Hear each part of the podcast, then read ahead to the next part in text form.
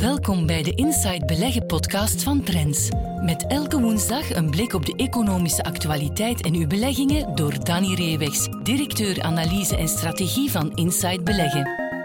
Deze podcast kwam tot stand met de gewaardeerde steun van Keytrade Bank, de onbetwistbare marktleider in online trading in België. Welkom bij de podcast van Inside Beleggen. Aan het einde van deze aflevering geeft Geert van Herk, hoofdeconoom van Keytrade Bank, informatie over hoe je kunt omgaan met verlies als belegger. Koop je bij om je gemiddelde aankoopkoers te verlagen of verkoop je of blijf je gewoon koppig zitten? Die dingen.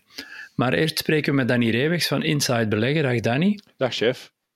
En Danny, deze week uh, is het een beetje anders. Bespreken we twee aandelen in plaats van een macro-stuk en een aandeel. Het is tenslotte resultatenseizoen. Um, en het eerste, ja, het eerste aandeel dat jij erbij hebt gehaald is Alibaba, de Chinese internetgigant. Die kwam met jaarcijfers, niet met jaarcijfers, maar wel met derde kwartaalcijfers, want ze zitten met een gebroken boekjaar. Nu, wat, wat, vertellen die cijfers ons in eerste instantie? Ja, dat uh, Alibaba ondanks alle hijsen waar we zelfs nog op uh, zullen doorgaan, ja, dat dat toch nog altijd een, fantastisch groeiverhaal is. Hè. We zien dat uh, de Chinese internetreus in dat derde kwartaal toch nog altijd met 37 procent uh, omzetgroei zit tot 221 miljard uh, yuan. Dus eigenlijk op dat vlak, maar dat geldt ook voor Tencent, kun je zeggen ja, dat die, die uh, bedrijven als Alibaba eigenlijk hetzelfde patroon vertonen zoals die Amerikaanse techgiganten. Ondanks dat die miljarden omzet draaien, groeien die nog altijd spectaculair met uh, met een zeer hoog groeipercentage, tientallen procenten. En opnieuw werden daarmee de analistenverwachtingen toch wel geklopt. Ja, ja, ja. En om nog even in herinnering, herinnering, te brengen, wat voor bedrijf is het? Waar verdient het geld mee? Ja, dat is eigenlijk de, uh, het verkoopplatform van China. Hè. Alibaba heeft 779 miljoen actieve mobiele gebruikers op, op zijn marktplaats. Uh, dus ja, dat is gigantisch en dat blijft maar uh, sterk stijgen. Dus het is een beetje in een decenniumtijd echt wel uitgegroeid tot de place to be wie online uh, zaken wil kopen. En dat zie je dan bijvoorbeeld op die single days, hè, wat dat toch een enorm fenomeen is in China. Dan zie je dat daar honderden miljoenen uh, mensen komen, zaken kopen en, en miljoenen uh, of miljarden omzet draaien op dat moment. Ja, en dan naast dat marktplatform heeft het ook nog clouddiensten. En die doen het ook niet slecht. Kunnen we het een beetje als een, een, Chinese Amazon zien dan? Enerzijds verkoopplaats, maar anderzijds ook een belangrijke ja, cloud provider. Ja, en dat was ook belangrijk, hè, dat, uh, dat Alibaba ook daarbuiten nog groei ziet en, en bijvoorbeeld gekeken heeft naar wat Amazon allemaal doet, hè, die ook zijn vleugels uitslaat naar andere domeinen. Dat doet Alibaba uh, eigenlijk ook. En zij zijn nu ook de absolute marktleider in cloud, uh, in die cloud services voor, voor China. En belangrijk, in het afgelopen kwartaal werd voor de eerste keer daar winst mee gemaakt. Dus ook die fase heeft Alibaba uh, kunnen doorlopen. Dat dat ook gaat bijdragen tot de winst in de toekomst. Ja. Ja, en het bedrijf kan ook niet losgezien worden van zijn oprichter Jack Ma, charismatisch figuur. Die is niet langer CEO, maar, maar wel nog steeds relevant. Maar daar is de afgelopen periode ook wel heel wat om te doen geweest. Je verwees er daar net naar, een heleboel heisa. Wat is daar precies allemaal gebeurd? Ja, uh, uh, de Chinese autoriteiten, de politieke autoriteiten, uh, ja, die keken al een tijdje wat, wat ja, toch met gemengde gevoelens naar die explosieve groei van bedrijven zoals Alibaba. En op het moment dan, dat Jack Ma zich ook nog ging politieke uitspraken permitteren en kritiek ging beginnen geven op de autoriteiten, ja, op dat moment vonden ze toch wel welletjes.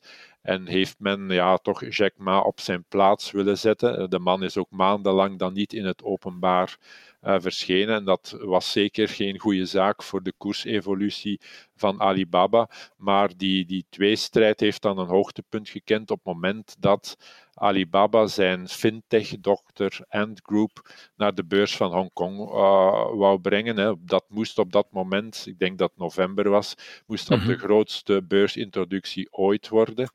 Uh, maar uh, enkele dagen voor de lancering, op het moment dat eigenlijk al het een succes ging zijn, hè, want er was zoveel vraag naar die aandelen, kwamen de Chinese autoriteiten simpelweg met de koude mededeling van ja, we gaan de regels veranderen, we gaan die strenger maken voor fintech. Uh, bedrijven. Ja, en dan heeft men eh, op, op allerlaatste moment die beursgang nog moeten afblazen. En dat was natuurlijk een enorm gezichtsverlies voor Alibaba, voor Jack Ma. En men gaat die regels aanpassen, vooral op vlak van kredietverstrekking. Dat was een van de belangrijkste groeidrijvers voor uh, Ant Group. Hè, dat dat bedrijf ook heel snel groeit mhm. en zeggen, ja, je moet zich meer gaan aanpassen, zoals klassieke banken op vlak van regels over uh, kredietverstrekking. En dat gaat natuurlijk het groeipotentieel en dus ook het winstmomentum van uh, Ant Group beperken. Vandaar dat, dat uh, dat toch belangrijk was voor Alibaba en, en dat die koers daar toch wel serieus is gaan onderlijden. Ja, en het waren niet de minste van het politieke establishment die zich daarmee bemoeid hebben, had ik begrepen.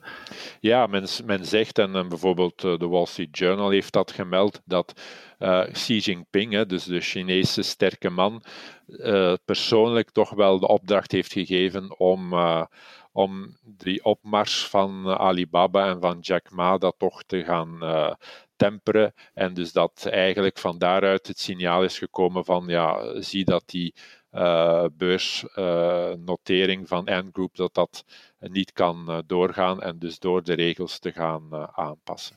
Maar nu, voor beleggers die, die toch interesse hebben in het aandeel en, het een keer willen bekijken, het is zoals je zegt, enerzijds het groeiverhaal, anderzijds heb je die, die heisa en de, de terugval van Ant Group. Waar moeten ze eigenlijk rekening mee houden als ze um, Alibaba van, van nabij willen bekijken? Ja, dus aan de ene kant inderdaad blijft dat een heel sterk groeiverhaal. Je zit hier, zoals die Amerikaanse techgiganten, met een bedrijf dat eigenlijk in zijn uh, activiteiten zo dominant is, ja, dat dat een heel sterk uh, bedrijf blijft. En we zien ook aan die laatste kwartaalcijfers ja, dat er weinig of geen impact is tot nu toe op, uh, op dat groeipotentieel. Natuurlijk, voor de nabije toekomst, er is een onderzoek uh, naar Alibaba, maar ook andere grote bedrijven, van maken ze geen misbruik van hun zeer sterke marktpositie? Is er mhm. geen overtreding van de mededingingswet? Dat hangt een beetje boven het hoofd en dat is moeilijk in te schatten. Hoe ver willen de Chinese autoriteiten drijven met de op zijn plaats zetten van Jack Ma en dus van, uh, van Alibaba? En wat gaat de impact zijn van die nieuwe regels op de groei van Ant Group. Dat was een beetje het teleurstellende element in het kwartaalrapport. Dat Alibaba zei, ja, daar kunnen we nog niet uh, veel meer informatie over geven. We weten zelf niet wat de impact uh, gaat zijn, omdat eigenlijk de autoriteiten nog moeten uh, komen met de exacte nieuwe regels en dan zal men beter een impact kunnen maken. Dus voor beleggers die geïnteresseerd zijn, moeten we beseffen dat op korte termijn de volatiliteit, de bewegelijkheid van het aandeel groter kan zijn dan andere omdat natuurlijk nieuws rond die regelgeving en rond dat onderzoek naar uh, marktmisbruik, ja, dat dat uh, impact kan hebben op, op de koers. Maar uh, dit jaar is het aandeel wel al met 15 tot 20 procent hersteld. Dus in die zin uh, kan dat eventueel wel een, een, koopgelegenheid worden. Maar op dit moment, ja, lange termijn ziet er nog altijd goed uit. Op korte termijn kunnen er nog wel serieuze koersschommelingen zijn. Ja, om in de gaten te houden dus. En dan uh, van het Verre Oosten naar onze achtertuin. Um, want het tweede aandeel van deze week is Melexis, de Belgische chipontwikkelaar. Um, die kwam ook met jaarresultaten. Maar eerst meer algemeen, in de chipmarkt is, er heel wat aan het gebeuren de laatste maanden, waar Melexis wel op een of andere manier van lijkt te profiteren. Uh, wat is er allemaal aan de hand? Ja, door de COVID-19-pandemie is er uh, probleem ontstaan qua productie van, uh, van halfgeleiders. Uh, hebben een aantal tijd heeft men niet kunnen produceren of op een uh, lager ritme kunnen produceren. En dan zie je dat er een beetje een tekort is ontstaan. Nu, Melexis had dat, zoals een goede huisvader, allemaal voorzien. Hè. Ze hadden hun voorraden op peil gehouden. Andere producenten hebben dat niet gedaan. En daar heeft in het vierde kwartaal Melexis toch volop kunnen van profiteren. Want net ook hè, door het heropenen van de economie, of toch voor gedeelte, hè, in de tweede lockdown is de economie zoveel mogelijk open gebleven. Uh, en we hebben gezien dat de autoverkopen toch wel enig herstel kenden na een zeer moeilijk eerste semester. Dus die mix die ideaal was voor Melexis, hè, een stijgende vraag terug uh, naar wagens en dus naar hun producten hm. aan de ene kant. Aan de andere kant, ja, die schaarste aan halfgeleiders, waardoor dat de prijzen gestegen hebben ervoor gezorgd dat zij een bijzonder goed uh, vierde kwartaal hebben gebracht, waarbij ze dus vlot boven hun eigen omzettoestelling van 140 miljoen zijn gekomen met 147,4 miljoen euro. Dat was zelfs nog boven de analistenschattingen, die zelfs hoger waren dan de eigen inschatting van het bedrijf. Ja, of hoe goed voorraadbeheer ook uh, goed gaan uitpakken. Ja, welk, welk ander nieuws viel er nog te rapen uit de jaarresultaten? Ja, dus dat toch zien dat ondanks het een moeilijk jaar was voor de automobielsector, dat een bedrijf als Melexis uh, kan daarbovenuit stijgen en toch nog een omzetgroei over het ganse jaar kan realiseren door twee zaken. Dat is dat ze zich minder en minder afhankelijk proberen te maken van die automotive, van die autosector, door ook sterk te groeien in andere toepassingen van hun chips, hè, dus in industriële en in consumentenelektronica. Daar hebben we mhm. toch gezien een groei van liefst 40% in, in 2020, dus dat is toch wel uh, sterk en dat maakt dus de afhankelijkheid van de automobielsector, eh, die sowieso cyclisch is en afhankelijk is van de economische conjunctuur, ja, dat dat toeneemt. En aan de andere kant, het is niet omdat het aantal auto's uh, verkoop daarvan ja, dat die afneemt, dat da daarom Melexis minder kan groeien, ook in de autosector. En dat heeft alles te maken met de toenames van het aantal chips die gebruikt worden per wagen.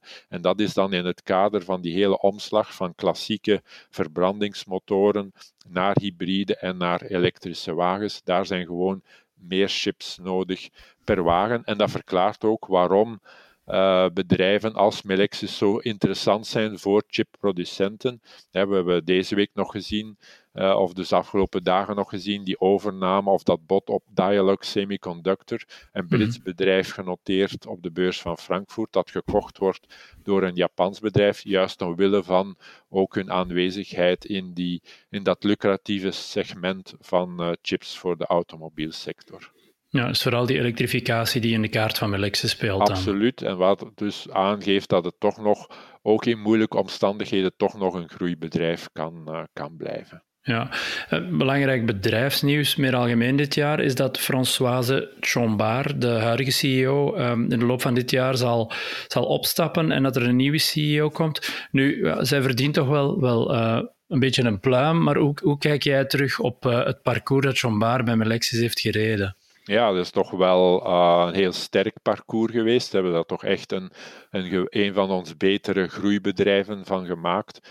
Door uh, toch altijd in te zitten op die focus. Hè, de, dat men technologisch mee aan de top is gebleven. Dat is niet uh, evident voor een relatief klein bedrijf op zich, maar het komt er dan op aan om je focus te kiezen, om je marktsegment te kiezen en daarin proberen technologisch aan de top te zijn. En dat is iets dat wij in België toch wel kunnen van, uh, vanuit onze onderzoek en ontwikkeling, dat we technologisch mee zijn. En dan kan je uh, als relatief klein bedrijf uitgroeien tot een van de toppers in jouw sector. En ze hebben dat ook altijd, dat bedrijf ook onafhankelijk kunnen houden. Mede ook dat het bedrijf altijd toch wel geapprecieerd is geweest door analisten en beleggers, waardoor de waardering uh, voor Belgische normen eigenlijk toch aan de hoge kant is gebleven. En dat is het ook vandaag. En dat is eigenlijk nog altijd het beste wapen tegen een uh, vijandige overname. Ja, tuurlijk. Ja. En ze zal haar invloed nog wel blijven hebben, want ze wordt uh, voorzitter van de Raad van Bestuur. Dus zoals je daarnet zegt, als ik naar het aandeel kijk, is er eigenlijk maar één woord dat in mij opkomt en dat is duur. Ja, hoe, hoe moeten we daar tegenaan kijken als beleggers? Ja, dan moeten we inderdaad zeggen, dit is kwaliteit, dit is topkwaliteit op Euronext Brussel. En dat zie je bijvoorbeeld ook bij andere bedrijven uit andere sectoren, zoals een Lotus Bakeries. Ja, dat dan zit met waarderingen die we niet gewoon zijn op de, op de Brusselse beurs, maar het is volledig terecht. En dat heeft ook te maken dat, dat uh, beleggers ook van, uh, vanuit het buitenland geïnteresseerd zijn in dit bedrijf, in dit aandeel, en ermee voor zorgen dat de waardering dan uh, toch wel terecht op een hoog niveau zit en in lijn ligt met de waarderingen van concurrenten op meer internationaal, op meer grotere beurzen. En inderdaad, uh, Chambard wordt voorzitter van de Raad van Bestuur, dus er komt geen grote evolutie, zeker geen revolutie op vlak van de bedrijfsvoering. Dus beleggers zijn daar wel gerust in dat de continuïteit gewaarborgd is en dat Melexis zijn groeiparcours zal verder zetten de komende jaren.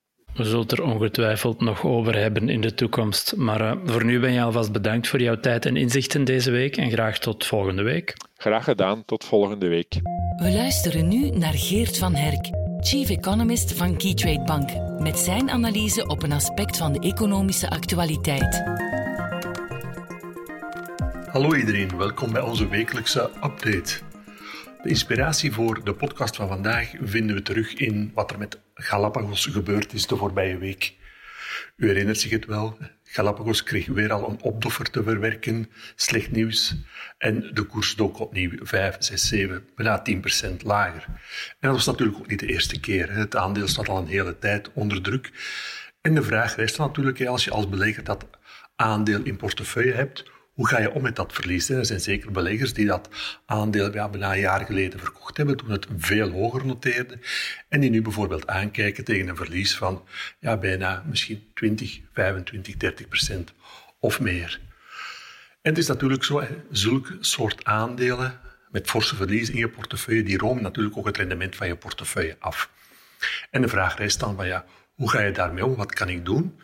Een veelgebruikte techniek door heel wat beleggers is op regelmatige tijdstippen bij te kopen. Hè. En zo wil men dan de gemiddelde aankoopprijs verlagen. Ik denk niet dat dat echt een, een verstandige strategie is. Uh, waarom? Ja, neem af en toe ook eens je verlies. Hè. Uh, het zijn toch ook vaak aandelen die al langer in een dalende trend zitten. En zolang die dalende trend intact is, is het eigenlijk geen goed idee om, uh, om bij te kopen. Het advies dat we een beetje zouden willen geven is, kijk, als je vandaag een aandeel koopt, heb een plan. Maak een plan voor jezelf op. Je koopt dat aandeel aan een bepaalde prijs, maar sta misschien voorop van hoeveel winst verwacht ik. Uh, koop, verkoop ik na 25, 30 procent winst. Maar ook, en dat is evenzeer heel belangrijk, wanneer ga ik verkopen? Stel dat die, dat aangekochte aandeel dat dat niet presteert, dat dat niet aan mijn verwachtingen gaat voldoen. Wanneer verkoop ik het? Neem ik een verlies van ja, 15, 20, 25 procent. Uh, dat is natuurlijk ook een beetje af van het profiel van de belegger, maar stel dat vooraf op. Je koopt een aandeel, maar heb ook direct een plan, een exitplan, van wanneer die aankoop uh, tegenslaat. En zo moet je toch vermijden dat je in je portefeuille achterblijft met lijnen ja, die, die met veel verlies noteren, die ook ja, in, een, in die dalende trend blijven zitten en die eigenlijk geen tekenen van herstel vertonen. Ik denk ook dat dat een belangrijke reden is waarom heel wat beleggers op lange termijn toch een beetje wat pover of wat tegenvallendere resultaten halen met hun aandeelbeleggingen, dat ze te vaak blijven zitten met aandelen die heel slecht presteren, die forse verliezen hebben opgelopen en dat ze eigenlijk de winnaars in de portefeuille, dat ze die eigenlijk ja, veel te snel uh, gaan verkopen en daardoor eigenlijk op lange termijn een beetje een, een inferieur rendement halen ten opzichte van de marktindexen. En je kan die benadering ook toepassen voor een, een portefeuille. Stel dat je vandaag een, een portefeuille belegt, je, start met ik zal zeggen 100.000 euro. De portefeuille doet het heel goed en je begint winst te maken, 10, 15, 20 procent. Opnieuw, stel dan uh, voor jezelf een plan op. Zeg van, ah, ik heb zoveel winst gerealiseerd, Stel dat er plots een correctie komt op de markt, of misschien nog erger, dat er een, een trendommekeer komt en dat we naar een periode van dalende koersen gaan. Stel dan op van, kijk, ik zit vandaag op een winst van 20%, maar als het tegenslag, ik wil toch altijd minimum 10% winst overhouden. Zet op, dan, op dat niveau je stoploss. Vanaf dat moment, als die stoploss bereikt wordt, verkoop je de portefeuille en, en stel je je winst veilig. En dan moet toch vermijden hè, dat je een slachtoffer wordt van, van zeer forse correcties uh, op de markten. Dus het advies dat we een beetje willen meegeven is van, als je in de markt stapt, heb ook een exitplan. Stel voor jezelf een plan, een niveau waarop je zegt van, hier stap ik uit, hier voel ik me niet meer comfortabel bij en hier neem ik eventueel ja, een deel van mijn winst of ik beperk mijn verlies in mijn portefeuille. Dus heb een plan voor als je in de markt stapt. Tot zover deze aflevering van de Inside Beleggen podcast. Meer tips, advies en analyses voor uw beleggingen leest u morgen in Trends. Volgende week zijn we er opnieuw. Deze podcast kwam tot stand met de gewaardeerde steun van Keytrade Bank, de onbetwistbare marktleider in online trading in België.